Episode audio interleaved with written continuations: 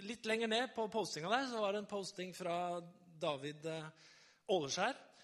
Altså sønn til en kjent pastor som heter Åge Åleskjær, pastor i Oslo Kristent Senter. Han skrev om forkvakla åndelighet. skrev han om.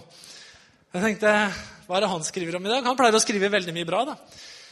Og Han skrev om eh, litt av troshistorien til mange mennesker som han hadde kjent. Og Han refererte til noen artikler som er i Dagen, altså den kristne dagsavisen Dagen fra Bergen, hvor de skrev om hva som skjedde i kjølvannet av at en, en av Norges aller største menigheter knakk sammen i Bergen eh, i 2006. Det var Levende Ord. Og Hvor det da var 1400 mennesker som hadde vært med i en forsamling som da hadde forsvunnet ut av forsamlingslivet. Og det hadde vært en dropp i Bergen. Selv om det skjer bra ting i Bergen, så har det gjennomsnittlig siden 2006 vært en dropp i det frikirkelige gudstjenestelivet i Bergen og, og medlemmer osv. Pga. en krise i en veldig stor menighet. En gang og så skriver han om det her. Om mennesker som var veldig brennende en gang, og som hadde så mye brann på innsida at de ville gi alt for Jesus, og så gikk det på et eller annet sted feil pga. mange ting som var feil. En forkvakla åndelighet. Og så leser jeg, og så klikker jeg videre på neste link. Les mer her, så kommer jeg til Dagen. Og der finner jeg en mann som jeg kjenner, som er intervjua av avisen Dagen. En som jeg gikk på bibelskole med for 20 år siden. Ganske nøyaktig som sto fram offentlig med bilde og navn og alt. Han heter Jan Roger Wold, så han er liksom posta på offentlige aviser. så er ikke så farlig å navnet hans. Som var evangelist, som var brennende, som jeg kjente. Og som i dag sier at jeg er nok nærmest en humanetiker. Og jeg har et uh, udefinert trosliv. Og jeg har, bruker heller gaven min til å snakke til mennesker for å være standup-komiker i Bergen og omegn nå for tida. Eh, så når jeg googler han, så finner jeg både liksom Fire Ministries, liksom egen sånn der, eh, gamle poster, og så finner du liksom standup-komiker nå rundt forskjellige steder. Hvorfor snakker jeg om det her? Fordi at jeg har tenkt, og jeg har gått hjertet mitt med et budskap jeg har lyst til å snakke om å vinne i dag. Og når jeg leste den første posten om at alle Tenk om alle var med så kjenner jeg igjen det. For nå har jeg levd en stund, så jeg kjenner igjen det her å få med alle i Jesu navn på et bra prosjekt som er å spre ut evangeliet. Og så er det sånn jeg tenker at Hvis alle blir med på noen ting Som regel i denne verden her, så er det to årsaker til at alle blir med på noen ting. Enten så er det noe fantastisk viktig og utrolig bra som skjer, som gjør at alle må være med. Eller så er det manipulasjon og hersketeknikker som tvinger alle til å være med. Er du med? Det finnes, Vi har sett det liksom for 10-15 år siden i Europa hvordan alle var med på å rive ned kommunismen. ikke sant? Hvor det var en revolusjon, hvor alle var ute på gatene. Alle var ute og ropte. Alle var med å rive ned Berlinmuren. ikke sant? Hvorfor det? Fordi det var en bra sak. Alle var med. Og så finnes det alle andre eksempler. Vi har sånn som regimer. ikke sant? Vi har Kina, vi har andre ting som gjør at alle blir med fordi det er en slags tvang i det. Det er manipulasjon, det er maktutøvelse. Skjønner du hva jeg snakker om? Men så kjenner vi det at det her med evangeliet det er jo fantastisk bra. Men jeg, vet du hva, for å være helt ærlig, noen ganger når jeg skal snakke litt om sånt, så merker jeg at jeg er litt sånn skada. For noe av det jeg har med i bagasjen, hvor man har prøvd å få med alle på noen premisser som kanskje var litt feil. Og så blir vi veldig redde kanskje jeg blir veldig redd for å utfordre deg på livet ditt. fordi jeg ønsker ikke at du skal kjenne tvang. Jeg ønsker at du skal kjenne at du er med på noe bra. Skjønner du hva jeg snakker om? Jeg har ikke lyst til å manipulere deg. Men er, det, er heller, det blir også feil hvis ikke vi kan la Gud utfordre livet våre. Er du med? Ok? Så, så jeg kan få lov til å utfordre deg litt i dag? Kan få lov til å snakke litt om det her å vinne. Um, underteksten her i dag det er en liten setning som jeg skal komme tilbake til seinere.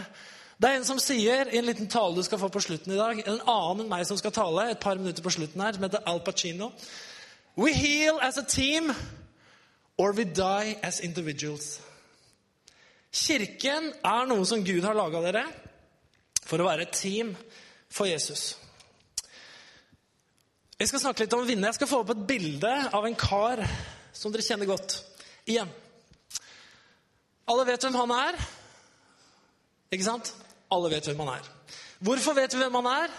Fordi han en gang ropte når han vant 'Barneskirenn'! Lett! Det var før han var tatt ut til sitt første VM. Petter Northug. En vinner. Hvorfor er han en vinner? Nei, Hvorfor har vi hørt om ham? Fordi han er en vinner.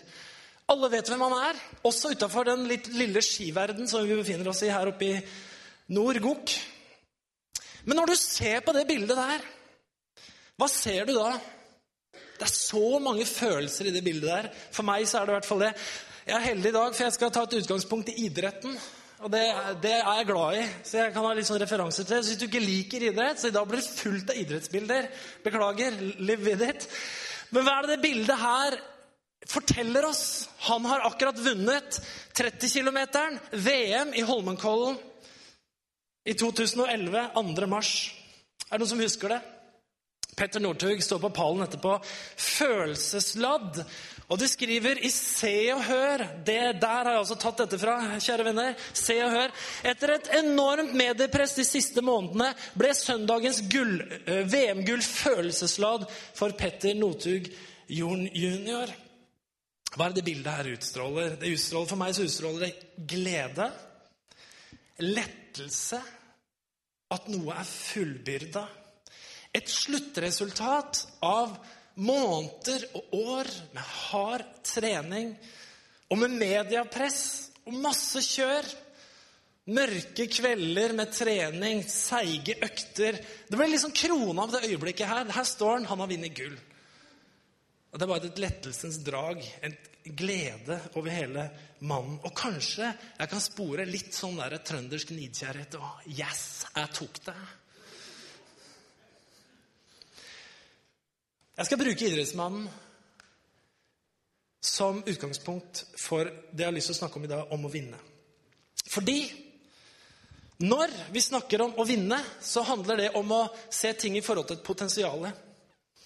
Hvis du ser en person med et stort potensial, så kan du forvente mer enn om du ser en med en lite potensial. Så kan vi tenke hva slags potensial fins det i våre liv? Og hva, for å være helt konkret, hva slags potensial fins det i denne forsamlingen her? Jeg tror at det potensialet er veldig stort. Jeg tror det er veldig stort. Men jeg tror det handler om at vi i enda større grad må bli et team som vinner sammen. Å utbre Guds rike, det handler om en livsstil. Og Paulus han skriver om det her, og det er det ene bibelverset, de, de ene passasjen med bibelvers du får i dag. Jeg skal lese fra 1. Korinterbrev 9, 24-27. Paulus skriver Han skriver om seg selv, han skriver litt om livet sitt i forkant her. Men han skriver som følger Vet dere ikke at alle som, eh, Vet dere ikke at på stadion deltar alle i løpet, men bare én får seiersprisen? Løp da slik at dere vinner den. Alle som deltar i kamplekene, de må nekte seg alt. De gjør det for å vinne en seierskrans som visner, men vi for å vinne en som aldri visner. Jeg løper derfor ikke uten å ha et mål. Jeg er heller ikke lik en nevekjemper som slår i løse luften. Nei, jeg kjemper mot meg selv, faktisk. Og tvinger kroppen til å lystre for at ikke jeg, som har forkynt for dere andre, selv skal komme til kort. Kort summert, hva er det Paulus skriver? Han sier at alle som er på stadion og løper, de deltar. Det vet vi. Det er mange deltakere i OL, det er mange deltakere i VM. Men det er bare én som vinner. Og så sier Paulus her veldig tydelig det viktige for dere og for meg, det er ikke å delta, men det er å vinne. Er du med? Det viktige for meg er ikke bare å delta, men det er å vinne. Derfor så vil jeg at dere skal løpe for å vinne. Henger du med? Det er mentalitet, ikke sant? Og det kjennetegner gjerne vinnere. Paulus han skriver om seg sjøl. Han er apostel, han har valgt å leve ugift. Han har en veldig spesiell livsstil. Han har dedikert seg helt til det her. Og vi kan si at ja, på en måte så skiller jo han seg litt ut. Han snakker kanskje om seg sjøl. Nei, han gjør jo ikke det. Han sier det at sånn som jeg lever, så, så er det noe et forbilde for dere òg. Jeg vil at dere skal løpe så dere kan vinne. Han vil være et forbilde. Men jeg tror når han snakker til dere, så snakker han ikke bare til én og en av oss, men han snakker også til oss. Som menighet, som kirke, som kropp, som Jesu etterfølgere, som skal utbre evangeliet videre. Det å være kristen og være etterfølger det handler både om å være individuell og det handler om å være et lag. ikke sant? Det handler om å være et team, det handler om å være et fellesskap. Og Derfor så er det noe med det som jeg sa til å begynne med, som kommer en tale senere her. We heal as a team, or we die as individuals. Vet du hva? Det er så mange mennesker i vår tid som de bare dør som individer. De har ikke vært med på noe utafor seg sjøl, de har ikke vært connecta til andre, de har ikke fått gjort noe stort sammen med noen. Så enten så, så blir vi helbreda og kommer sammen som et lag enda mer, eller så kan vi dø som individer og føle oss aleine, gå aleine. Og vet du hva? Man kan være midt blant tusen og føle seg dønn ensom. Du kan være midt i en menighet og en forsamling og føle deg dønn ensom. Kanskje du sitter her som føler deg dønn ensom i denne forsamlingen, selv om du er her annenhver søndag og er med i frivillig tjeneste. Det har noe med teamfølelsen å gjøre. Og så er det noe med det å skape en kultur som vi er med å skape sammen. Det handler om å bli noen ting, et lag. Vi blir berørt av vinnere. Er det ikke rart hvordan vi kan møte vinnere og treffe folk som har vunnet noe, og så berører det oss? Eller vi kan se på noe. Jeg veit ikke hva som skjer med deg når du ser på sport på TV. Det kan hende du er totalt uinteressert. Og jeg er faktisk jeg er ikke interessert i håndball. Håndball interesserer meg ikke. Jeg har ikke lyst til å sende ungene mine på det. Jeg har ikke lyst til å liksom eh, utsette dem for det. Nei, bare tulla. Jeg har ikke lyst til å... Det er ikke noe jeg er sånn veldig interessert i. Men når jeg ser på håndballjentene Ikke håndballherrene, det også er gøy, men håndballjentene Jeg vet ikke hva det er med håndballjentene, men det er et eller annet med at når håndballjentene vinner, så blir jeg berørt.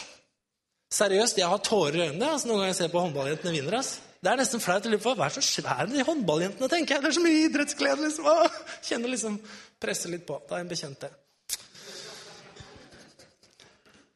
Er det noen andre som kjenner seg igjen? Jeg ser flere hender her. Ja, flere menn, middelaldrende menn som løfter opp hånda. Men det er, det er noe med at når noen vinner noe, så berører det oss. Selv om det er kanskje en banal ting som egentlig ikke betyr så mye for oss i sammenhengen. Det skaper noe i oss, ikke sant? Men vet du hva, venner? Det her med å vinne og det å tape vet du hva? Marginene er ofte utrolig små. Veldig ofte kan vi føle at vi er på tapersida. At vi taper, og så tenker vi jeg er så utrolig langt unna å vinne. Jeg er så utrolig langt unna å lykkes. Vi er så utrolig langt fjernt fra å få suksess til å få gjennombrudd og få seier. Det er så mye som mangler. Men vet du hva? Sannheten er at ofte er det forferdelig lite som skiller seier og ikke-seier.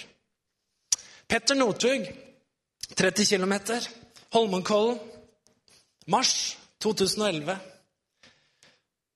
Vet du hvor mye han vant med til andremann? Hvor mange har bitt seg merke i navnet Maksim Vilektsjanin? Eller Ilja Tsjermosov? Eller Sergej Doldovitsj? Ikke så mange. Kanskje noen av nerdene blant oss på ski. Maksim Vylektsjanin kom på andreplass 0,7 sekunder etter Petter Northug. Ilja Tsjermutsov kom på tredjeplass 1,2 sekunder etter Petter Northug. Og Sergej Dolodovitsj fra Hviterussland kom på fjerdeplass 2,6 sekunder etter Petter Northug. Hvem har hørt om han? Eller at Devon Kershaw fra Canada, som kom helt ned på niendeplass, var 6,5 sekunder etter Petter Northug. Vi snakker om 30 km. Har du gått 30 km på ski noen gang? Veit du, du, hvor enkelt det er å miste 0,7 sekunder i en oppoverbakke?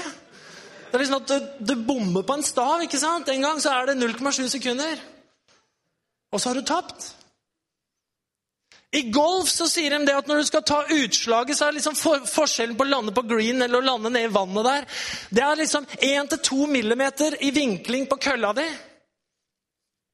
Så skjærer ballen ut. Hvor mye er forskjellen på suksess og det å vinne og det å tape? Ofte er marginene fryktelig små. Fryktelig små. Og så tenker vi at vi ofte er så langt unna. Det er så håpløst. Det er så vanskelig. Det er ingen som husker Devon Kershaw. 6,5 sekund. Tre mil. Jeg har gått en del på ski. Jeg veit bare at det er et par stavtak, så er det 6,5 sekund etter. Det var fellesstart, vel å merke, men sånne marginer har vært før. Hvem husker ikke av dere som er over 40 år, eller hva er det det? Thomas Vassberg og Joa Mito. Femmila. VM et eller annet sted som jeg ikke husker hvor var. 50 km individuell start. Thomas Vassberg slår Joa Mito med ett hundredel. Thomas Vassberg fikk delt medaljen etterpå og sendte halvparten til Joa Mito. Og de kutta ut å ha hundredelsmåling på femmil. Men det var forskjellen mellom å vinne og det å tape. Én vinner, én taper. Et hundredel. Hvor stor er marginen i ditt liv? Hvor stor er marginen i mitt liv? Hvor stor er marginen for vår kirke? Forskjellen på å vinne og tape?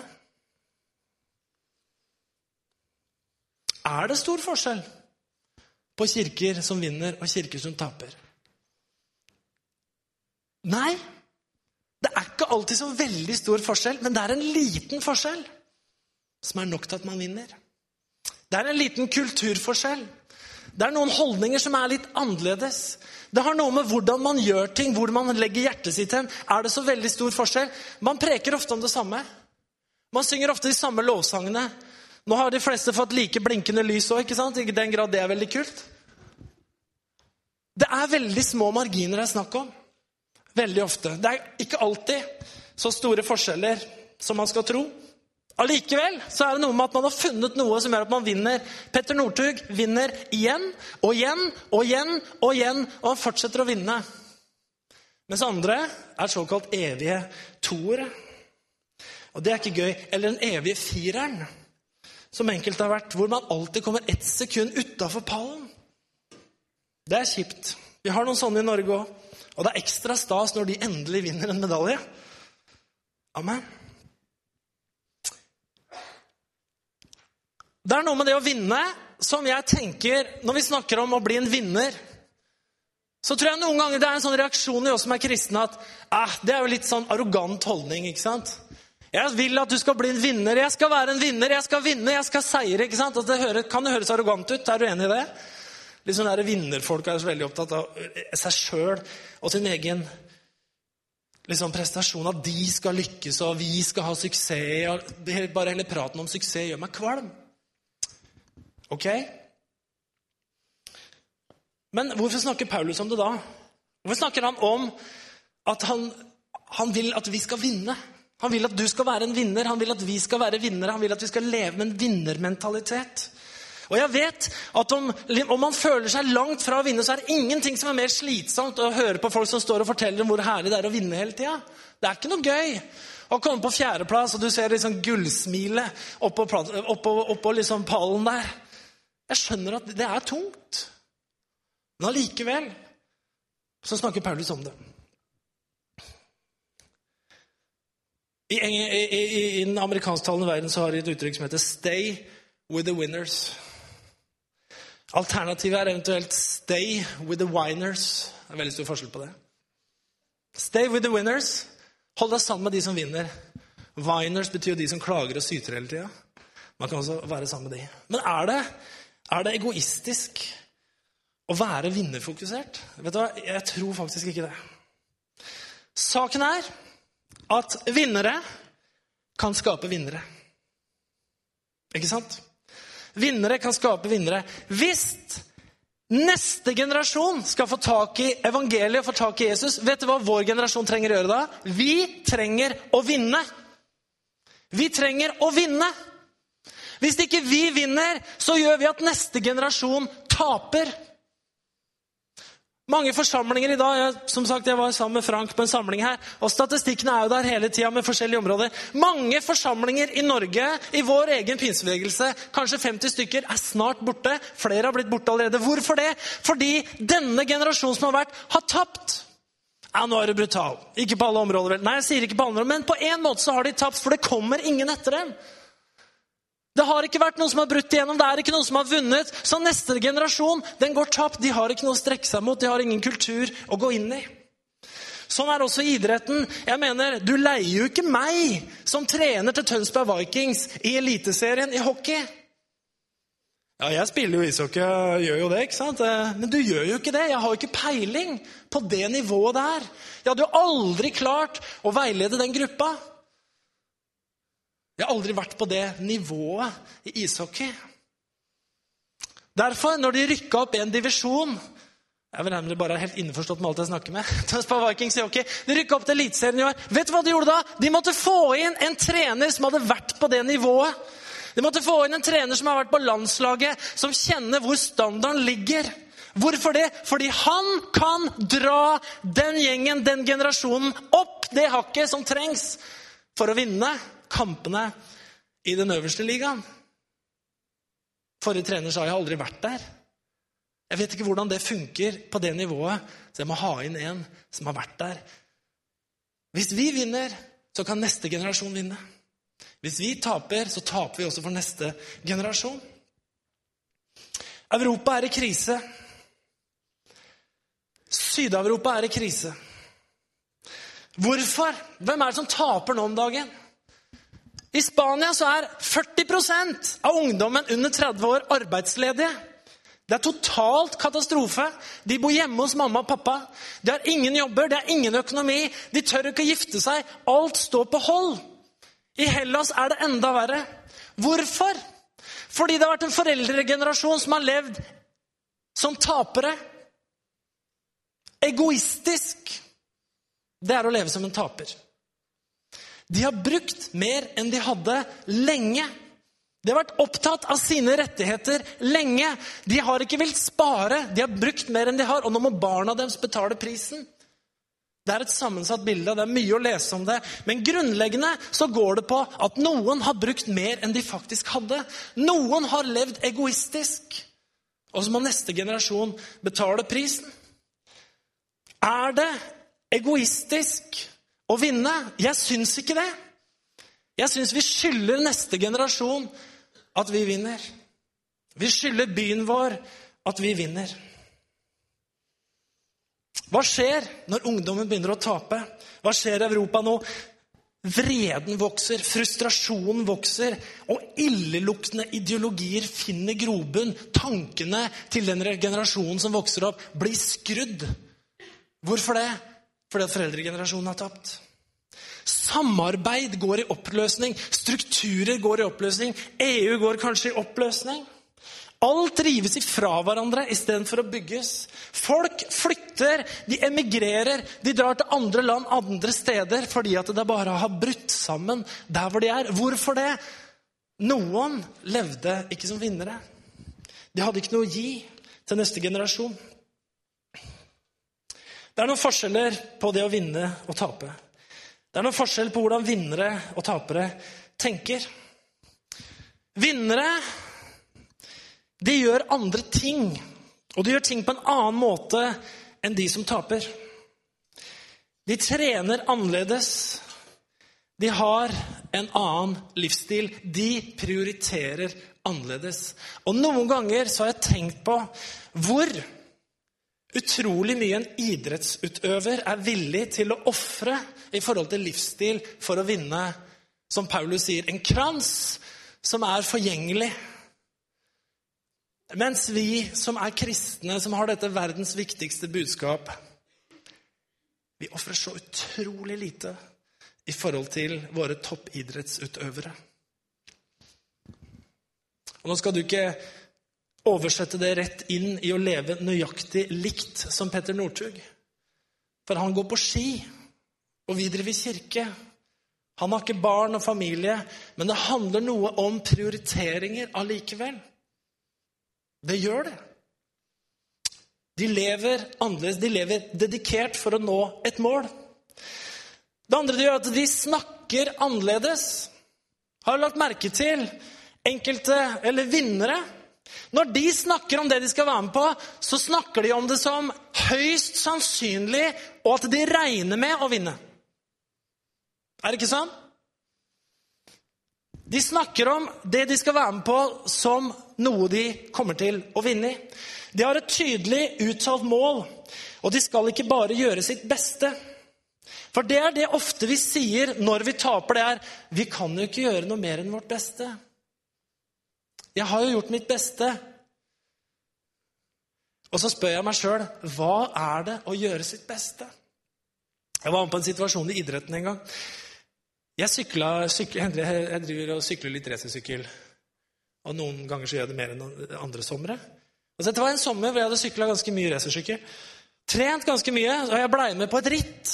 Baglerunden, et, et, lite sånn lokalt ritt her som går over 6,5 mil. Fra, fra Sem fengsel og så opp i landet, og så 6,5 mil tilbake igjen. Og jeg hang meg på, og vi sykla. Det var mange der som var sterkere og sprekere enn meg, som gikk på EPO og sånn. Alle de som var foran meg. Steffen Kjærgaard var flere der. Eh, jeg ser det nå etterpå at det må ha vært det, men i hvert fall Jeg, jeg sykla, og jeg var med det rittet her, og jeg, og jeg hang på. Eh, og vi har sykla kanskje fire-fem mil, eller noe sånt nå. Så kom vi til en ganske lang oppoverbakke. Og jeg mener, jeg gjør mitt beste. Jeg, jeg, henger på. Og denne bakken her, Jeg har jo trent i disse innlandsveiene her før, så jeg vet at denne bakken her er jo ganske lang. Jeg vet hvor lang den er, jeg vet liksom hvordan den begynner og er i midten og slutter osv. Så, videre. så jeg liksom gjorde meg klar, så jeg rykka litt fram i feltet sånn før bakken, så jeg kunne falle litt av underveis og henge på halen over, liksom. Hvis dere skjønner hva jeg snakker om. Eh, så vi kommer opp den bakken her. Og jeg kjenner jo at nå går det fryktelig fort, og det er ganske bratt. Og vi nærmer oss siste tredjedel av bakken. Jeg er helt bakerst på feltet da.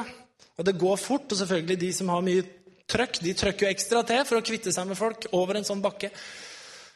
Og så er jeg kommet der at jeg er helt bakerst på halen av dette feltet her. Og jeg gjør mitt beste. Jeg føler jeg har pressa meg til det ytterste for å henge på over den toppen. Jeg ser at dette går ikke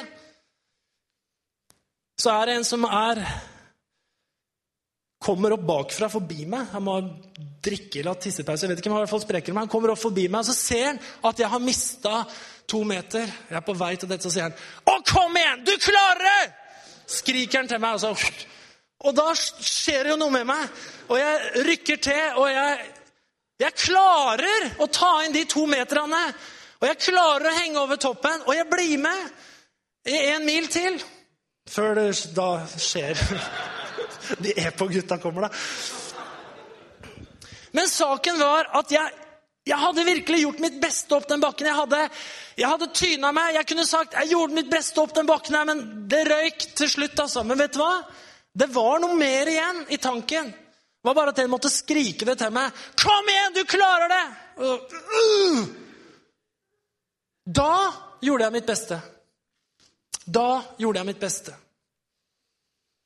Og Veldig ofte så er det en sånn greie vi sier av at vi kan ikke gjøre mer enn vårt beste. Og du hører hvor defensive vi blir. Vi har gjort vårt beste. Vi kan ikke gjøre mer enn vårt beste. Men hva er vårt beste? Vårt beste er ofte mye mer enn det vi tror. Det spørs hvem vi er sammen med. Det spørs hva slags kultur vi er i, om vi blomstrer eller om vi dør. Ja, det må de andre sørge for. Nei, det må du og jeg sørge for. Vi må være med å skape den kulturen. Vi må snakke sånn, vi må tenke sånn, vi må oppmuntre, vi må backe opp, vi må si 'Du klarer det'. Hallo? Det er ikke de andre, det er deg. Om vi alle gjør det, så er kulturen annerledes per definisjon. Amen. Vinnere, de eh, har på et eller annet tidspunkt bestemt seg for å bli vinnere, som Paulus. Eller annet, en eller annen gang så må man bestemme seg for å vinne.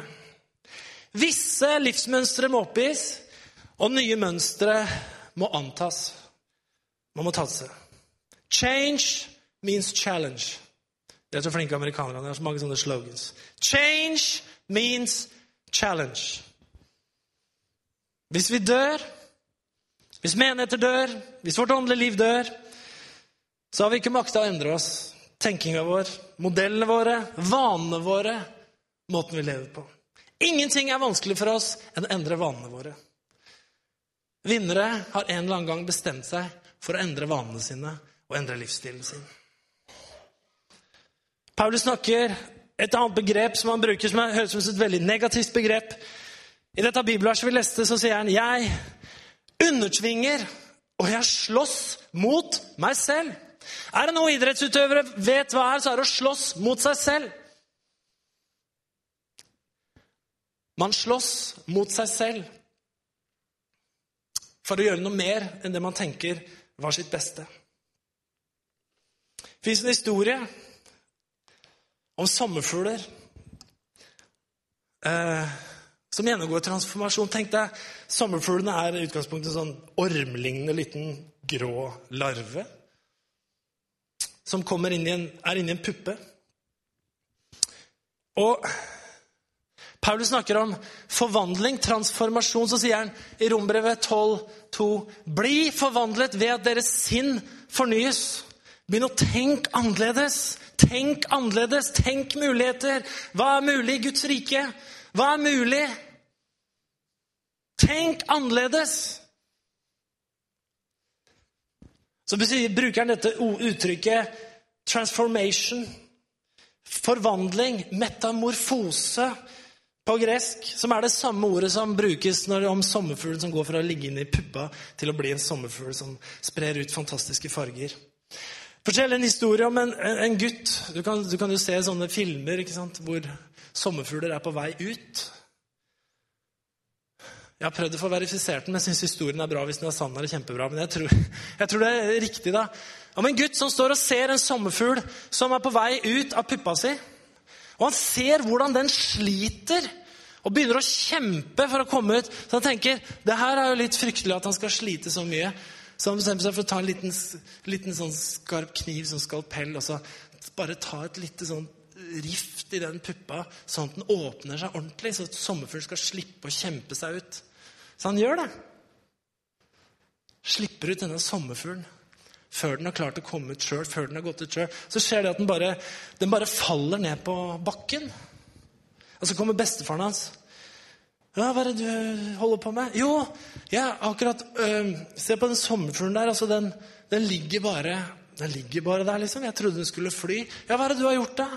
Nei, jeg bare hjalp til litt.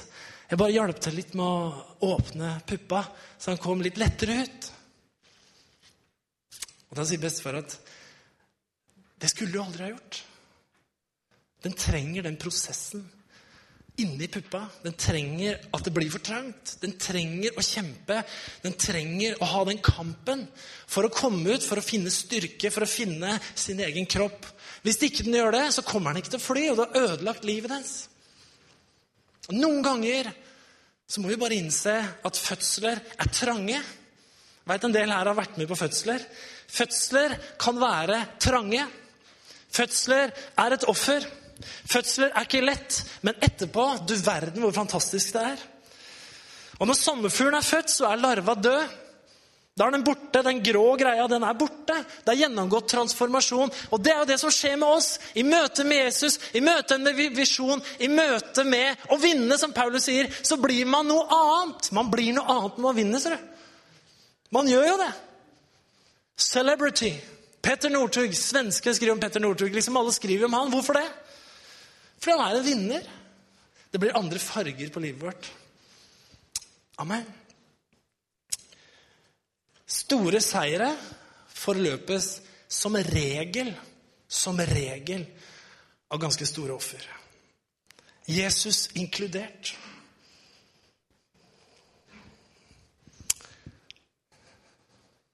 Hvorfor snakker jeg om det her, da? Jeg snakker om det her fordi jeg, jeg tenker at det fins så mye potensial her. Og jeg tenker at det er så mye vi kan gjøre. Men jeg tror at Gud utfordrer oss gjennom det verset her. Løp for å vinne. Jeg skal ta dere med inn i en liten videosnutt. Det kan hende jeg er rar. For det handler om idrett, og at jeg er mann. Jeg vet ikke. At jeg liker Al Pacino. Det kan være mange teorier bak det her. da. Jeg skal vise dere en liten tale fra en film som heter Any Given Sunday. Nei, vi snakker ikke om gudstjenester. Det er ofte det er idrettsarrangementer på søndager. Al Pacino spiller en middelaldrende mann som meg selv, som eh, møter sitt unge lag, fotballag, American football. Det er sånne svære biffer. Og de er, skal spille kamp. Og det er en sånn helt skjebnesvanger kamp. Som er liksom vinn eller forsvinn. Og så snakker han, bare for å gi en liten intro, han snakker om inches. Altså en tomme. Det er 1,6 cm. Han snakker om forskjellen på å vinne og tape handler ofte om så fryktelig lite. Men at mange tommer blir til mye når mange slåss sammen. Du skal få se den talen. Jeg syns den er veldig bra. Det, det forekommer ett banneord inni her, men det ser du på TV allikevel hele tida når du ser på Detektimen. Så relax, sjøl om det skjer her. Så jeg har ikke liksom sagt pip på det ene ordet. Det går bra. Det er på engelsk eller så hvis du har små barn her. Det er jo ikke her, så det går veldig fint. Men hør på den talen her. Den er, Jeg syns den bare er kjempebra. Da kan dere bare sette på den med bra volum og litt sånn dempa lys her oppe.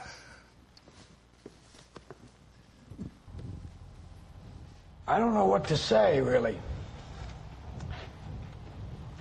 Three minutes to the biggest battle of our professional lives. All comes down to today. Either we heal as a team, or we're going to crumble. Inch by inch, play by play, till we're finished. We're in hell right now, gentlemen. Believe me. And we can stay here, get the shit kicked out of us, or we can fight our way back into the light. We can climb out of hell. One inch at a time. Now, I can't do it for you. I'm too old. I look around, I see these young faces, and I think, I mean, I made every wrong choice a middle aged man can make. I, uh, I pissed away all my money, believe it or not. I chased off anyone who's ever loved me. And lately, I can't even stand the face I see in the mirror. You know, when you get old in life, things get taken from you. I mean, that's, that's, that's part of life. But you only learn that when you start losing stuff. You find out life's this game of inches. So is football. Because in either game, life or football, the margin for error is so small. I mean, one half a step too late or too early, and you don't quite make it. One half second too slow, too fast, you don't quite catch it. The inches we need are everywhere around us. Hell yeah. They're in every break of the game, every minute, every second. On this team, we fight for that inch. On this team, we tear ourselves and everyone else around us to pieces for that inch. We claw with our fingernails for that inch. Because we know when we add up all those inches, that's to make the fucking difference between winning and losing.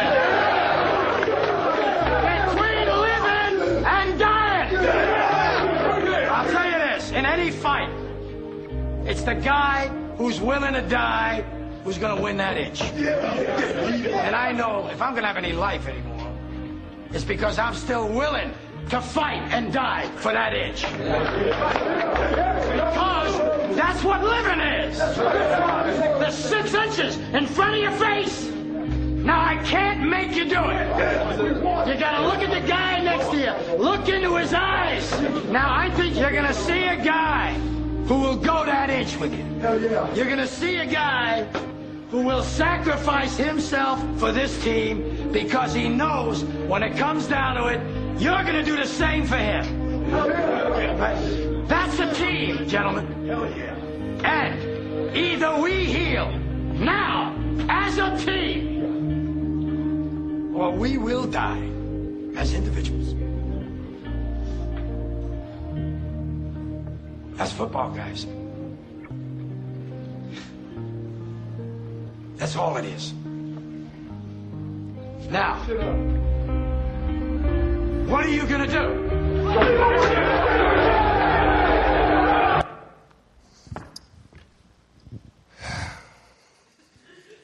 I like that! Er var ikke den bra? Jeg syns den var utrolig bra. Hvis du ikke liker den, så likte den ikke. Bare glem den. Men jeg syns den var utrolig bra, den talen her, da. Det handler om lite grann. Og marginene er ofte små. Men vi kan gjøre en forskjell. Og Gud vil at vi skal vinne. Amen. Amen. Det høres nesten ut som du begynner å tro på det. På grensen, da. Det er litt mer rolig enn de gutta her. Vi har en spennende framtid foran oss. Vi har hatt, eh, vi har hatt en spennende fortid. Vi har vært, eh, vi har vært Bykirken i syv år. Og det har vært veldig spennende å være med på. Det har vært utrolig spennende å bli kjent med så mange nye mennesker. Og mange nye mennesker som har kommet til. Men Gud har noe mer. Og jeg tror at Gud vil at vi skal vinne større seire. Amen. Og jeg tror at Gud ønsker i dag at du skal si til deg sjøl jeg skal være med og vinne. Amen. Jeg skal være med og vinne. Jeg skal være med og vinne. Og så må vi hjelpe hverandre. På et lag så må man virkelig hjelpe hverandre. Jeg skal avslutte med litt mer idrett. Men jeg spiller ishockey, og vi er et lag. Vi er 20 stykker på laget. Og når vi drar på innimellom, noen ganger på sånn oldboys-turneringer, så er det, så er det en to, tre, fire stykker som jeg er utrolig glad for er på mitt lag. For de er så gode. Og de kompenserer mine svakheter. Så jeg gjør mitt beste. Men så har jeg mangler. Jeg har mange mangler. Vi har alle mange mangler. Og så er det noen på laget som er gode på noe, så de kompenserer. Og det handler ikke om hva den eller den får til, men det handler om hva vi får til som et lag. Amen. Skal vi be? Herre, vi takker deg. Vi takker deg, Jesus Kristus, for at du vil at hele kroppen skal være med. At alle skal være med. Jeg takker deg, Far i himmelen, fordi at uh, du har kalt oss noe mer enn å eksistere. Til å bare være og til å klamre oss til et eller annet som heter at vi gjorde vårt beste. Men Herre, du kaller oss til å vinne, til å være et lag, Herre, som vinner. Ikke aleine, ikke som individer, men som et lag. Vi skal løpe sammen, Herre, for å vinne. Og jeg takker deg, Far i himmelen, for at vi er her. At du har satt oss sammen. At vi kan vinne og gjøre en forskjell. Herre, jeg takker deg. Og takk, Herre, at vi ikke bare er kalt til å vinne for oss selv, men vi er også kalt til å vinne for neste generasjon. Vi er kalt til å vinne for de som kommer etter oss, Herre, så ikke vi i vår generasjon lever så egoistisk og så selvopptatt at de som kommer etter oss, opplever at det ikke er noe igjen. Men Herre, at det er noe bedre når de kommer. At det er noe større når de kommer, Herre. Noe som de kan bygge videre på. Herre, takk for at du vil at vi skal være med og skape den kulturen. At vi skal tenke som Paulus tenkte. At vi skal løpe for å vinne, ikke bare for å delta. At vi kan stå sammen som kirke. At vi kan stå sammen både her og med de andre for å gjøre en stor forskjell. Herre, vi priser deg. Og takk for at du er seierherre. Det er ikke noe problem med deg, Herre. Men hjelp oss å snakke til hverandre så vi bygger for framtida. Hjelp oss å tenke, hjelp oss å prioritere. Hjelp oss, Herre, til å se verdien i det å ofre noe fordi det er noe mye bedre som kommer etterpå. At vi kan føde noe, Herre, som blir fantastisk, og som gleder mange.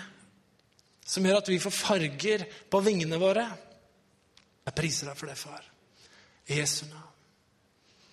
Herre, takk for at du hjelper oss.